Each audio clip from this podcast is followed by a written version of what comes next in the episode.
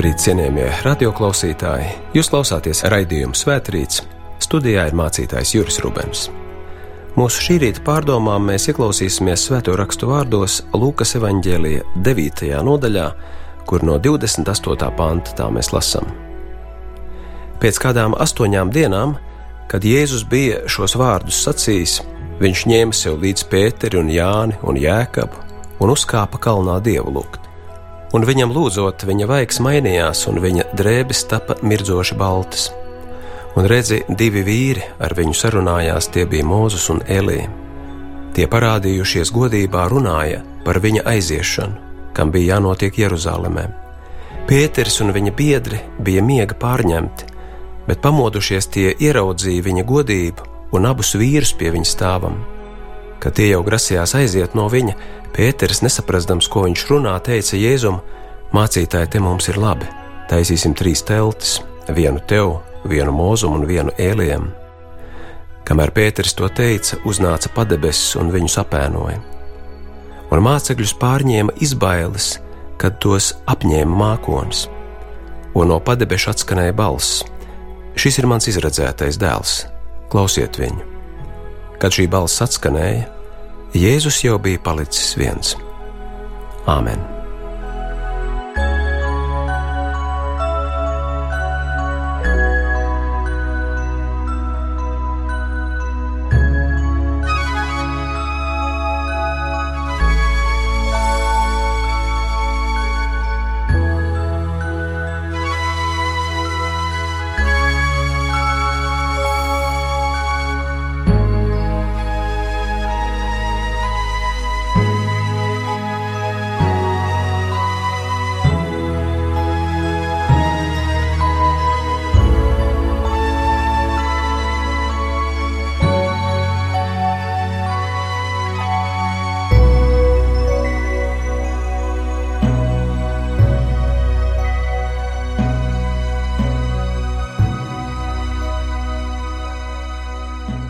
Šo notikumu sauc par Jēzus apskaidrošanas vai pārveides notikumu, kas mums atklāja ko ļoti nozīmīgu.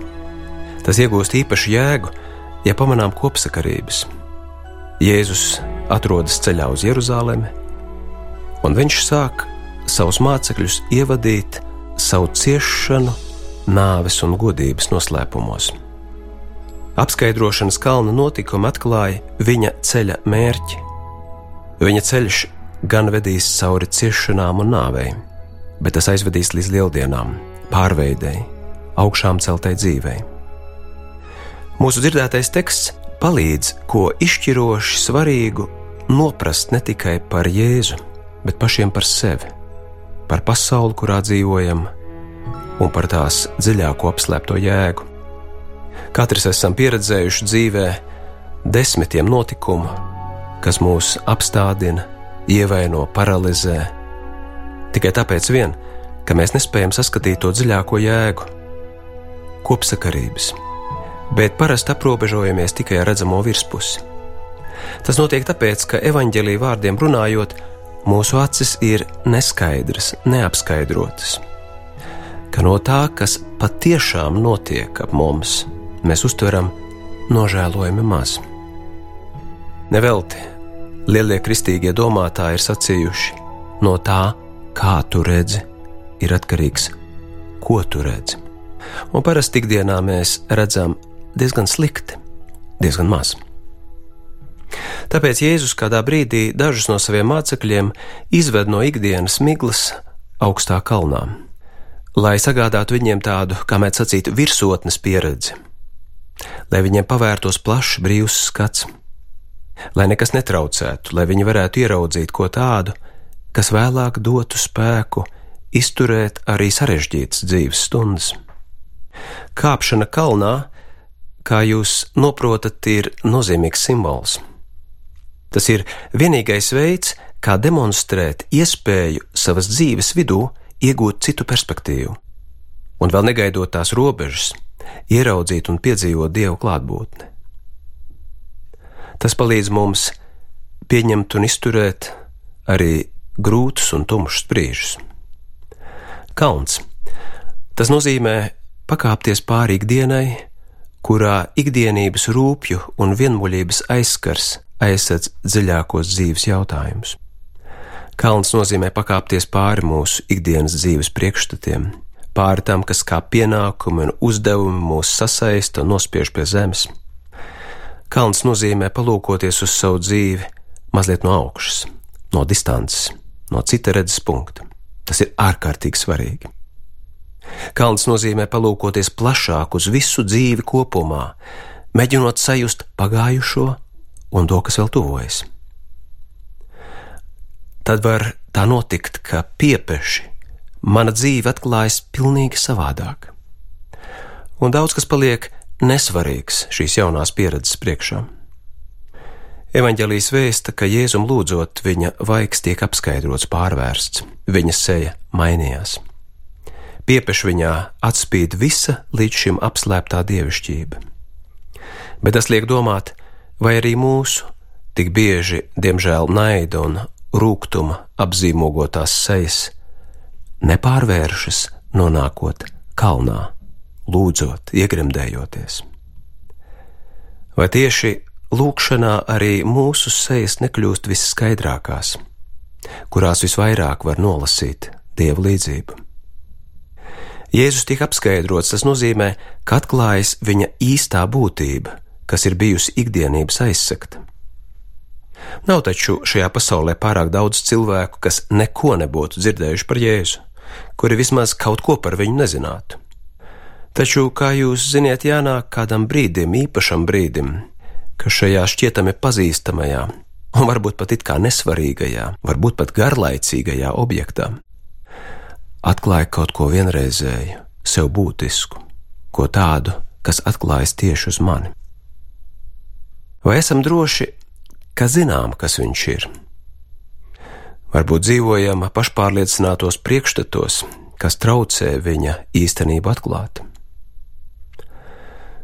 Mēs zinām, ka Mācekļi ir dievbijīgi cilvēki. Tas nenozīmē, ka viņi īsti saredz Jēzus dzīves, ka viņi īsti saredz Dieva klātbūtni, veidu, kā Dievs darbojas šajā pasaulē. Jā, tādu brīžu, kā šī virsotnes pieredze kalnā, nav daudz. Tad piepieši tuvākās lietas un vērtības mēs ieraugam pavisam jaunā kvalitātē. Tad sākam saprast sakarības savā dzīvēm Un tomēr tādi uzplaiksnījumi notiek katra cilvēka dzīvē.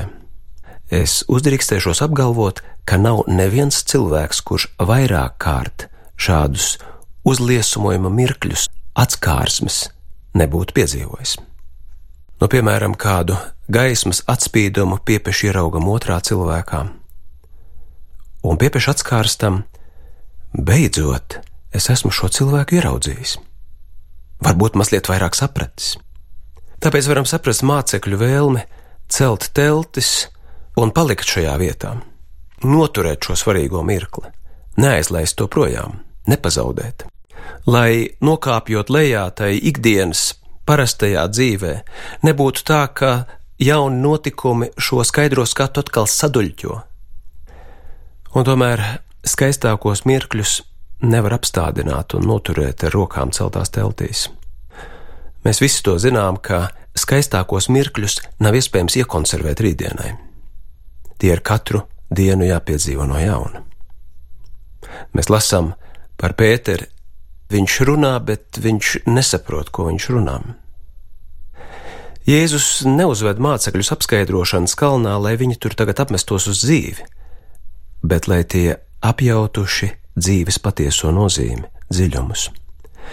Spētu piedzīvot to tagad īstenot savas ikdienas gaitās.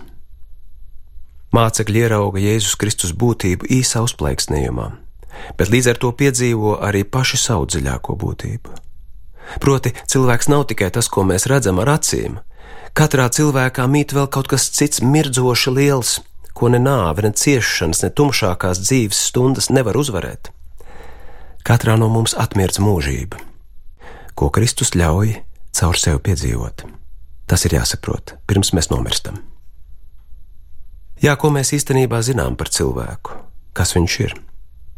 Gadiem ilgi mums var būt kā cilvēks līdzās. Mēs varam ar šo cilvēku dzīvot vienā dzīvoklī un pat gulēt vienā gultā, bet viņā neko sevišķu nepamanām. Arī šie cilvēki ilgi gājuši kopā ar Kristu, taču daudz ko viņā nav pamanījuši, sapratuši. Taču par cilvēka dzīves jēgu un vērtību nedrīkstam spriest pēc pierastās seklās uztveres. Ir stundas un mirkļi mūsu dzīvē, kad piepeši visa mūsu esība atmirdz bezgalīgā krāšņumā. Tādos mirkļos kļūst skaidrs, ko nozīmē mana dzīve un kas to īsti dara jēgpilnu. Lai pieredzētu, kas ir Jēzus Kristus, svarīgi ne tikai dzirdēt viņa vārdus savā ikdienā, bet uzkāpt kaut reizi viņam līdzi apskaidrošanas kalnām, satikt viņu lūgšanā. Tas palīdz redzēt, kas viņš īsti ir un kurp viņš mūs ved. Skatam ir jākļūst no visa liekā brīvam un skaidram. Tas atklājas Jēzus sarunā ar Mūzu un Ēliju, divām izšķiroši svarīgām personām vecajā derībā. Mūzus atklāja brīvības ceļa tēlu. Tas ir cilvēks, kas savu tautu no verdzības cauri tuksnesim izved brīvībā. Tas ir cilvēks, kas pats sevi izdzīvo zināmu attīstību no varmācības, jo sākumā viņš darbojas varmācīgi, līdz dieva aicinājuma pieņemšanai un paklausībai dievam. Mūzu sastapt nozīmē satikt aicinājumu, beigt paklausīt savām egoistiskajām iegribām, bet uzdrīkstēties sakt paklausīt dievam. Sastapt aicinājumu pārvarēt savu nebrīvību un verdzību, uzdrošinoties doties garā ceļā pretī brīvībai pārspēt atkarību no citiem cilvēkiem, viņu domām, spriedumiem, vairāk nebaidīties no citiem. Bet ko tad nozīmē satikt Ēliju? Mūzus ataino cīņu pret bailēm no citiem cilvēkiem. Bet Elijas uzdevums ir cīņa pret elku dieviem. Vienkāršāk sakot, cīņu pret to, kas uzdodas par dievu, vai ko mēs turam par dievu, bet kas tāds nav. Vienkārši sakot, Elijas darbība ir cīņa pret visu to, kas cilvēku sasaista un dara nebrīvu garīgi. Cīņa pret elkiem ir viņa programma. Elīte cīnās par to, lai cilvēki tiktu atbrīvoti no dažādām lietām, kas ieņem dievu vietu. Jo tās ir dievi, kas nevis glābīja, bet cilvēkus iznīcina. Iespējams, ir ļoti sāpīgi, ja kādam cilvēkam atņem viņa paštaisītos dievus. Tomēr vienīga atbrīvošana no elku dieviem palīdz mums īsti ieraudzīt savas dzīves lielumu, skaistumu un patiesos uzdevumus. Mūzus un Ēlija ir pilnīgas atbrīvošanas zīme. Tā ir zīme tam, ko īsteno Kristus. Ja to redzam, tad nekādas bailes un tumsa vairs mūs neuzvarēs. Tikai tad iegūstam skaidru skatu, kad esam atbrīvoti no neīstiem dieviem un citu cilvēku viedokļiem. Tas ir kā iegūt gabaliņu no debesīm, tikai kā to paturēt. Balsts no debesīm saka: klausiet viņu, klausiet Jēzu. Ļoti vienkārši paklausiet viņam, pamēģiniet tā dzīvot, praktizējiet Jēzus ceļu. Tad apskaidrības brīži jūsu dzīvē varēs turpināties. Tāpēc mūsu dzīvē ir tik svarīgi uzkāpt apskaidrošanas, jeb pārvērtības kalnām. Varbūt savā ziņā katrs dievkalpojums ir šāda uzkāpšana apskaidrošanas kalnā, kad Jēzus mūs ņem pie rokas, aicinot kāpt viņam līdzi pāri ikdienībai lai mūsu skats varētu kļūt brīvs lielākajam un svarīgākajam.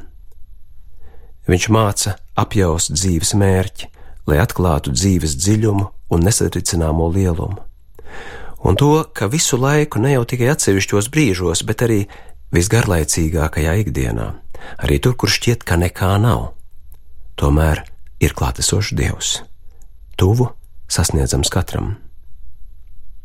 Lai tu zinātu pavisam droši par spīti visam, kas tavā dzīvē noticis vai vēl notiks, tu ej pretī gaismai. Lieldienu dzīvības rīts ir arī tavas dzīves saturs un mērķis. Zīmīgs ir teksta noslēgums, kad viss ir beidzies, mācekļi nekā cita neredz, kā tikai Jēzu vienu pašu. Patiešām kaut reizi spēt savā dzīvē redzēt tikai Jēzu vienu pašu tā viņu īsti pamanīt un satikt. Nozīmē pieredzēt lielāko pārvērtību. Āmen! Mēs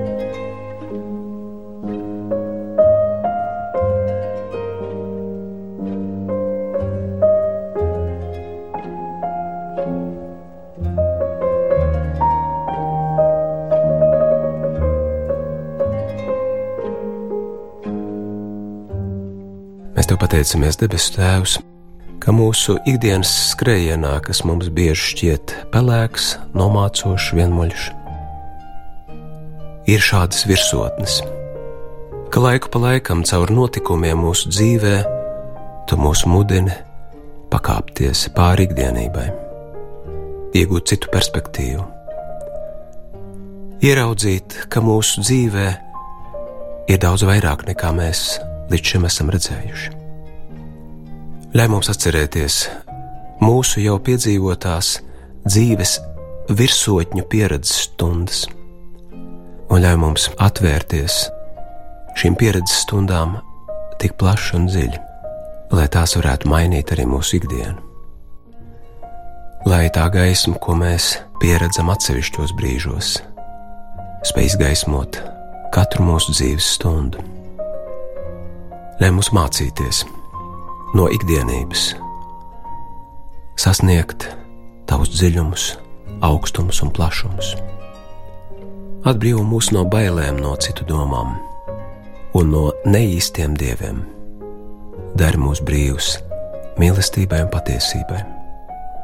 Mēs noliekam visu sevi tavās rokās, kad mēs Jēzus vārdā lūdzam. Mūsu Tēvs debesīs, svētīts lai top tavs vārds lai nāk tava valstība, tavs prāts, lai notiek kā debesīs, tā arī virs zemes. Mūsu dienascho maizi dod mums šodien, un piedod mums mūsu parādus, kā arī mēs piedodam saviem parādniekiem. Un neieved mūsu kārdināšanā, bet atpestī mūs no ļauna, jo tev pieder valstība, spēks un gods mūžīgi mūžos. Āmen!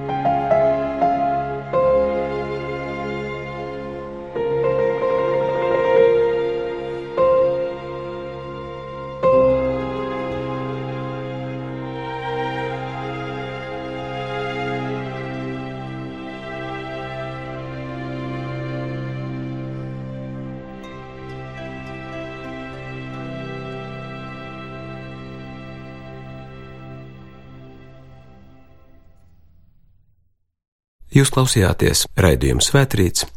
Studijā bija mācītājs Juris Rubens. Kungs, tu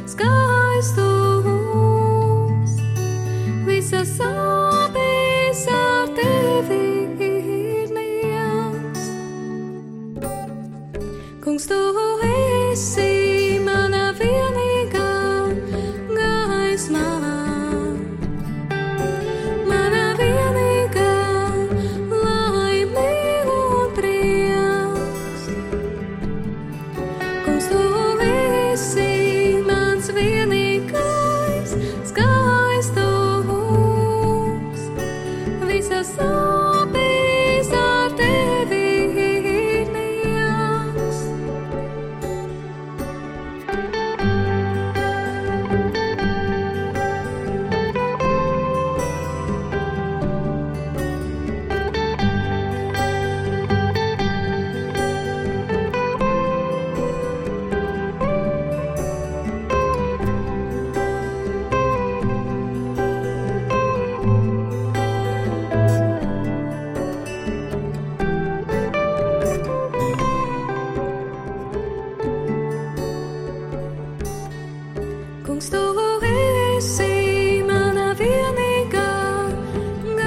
smile.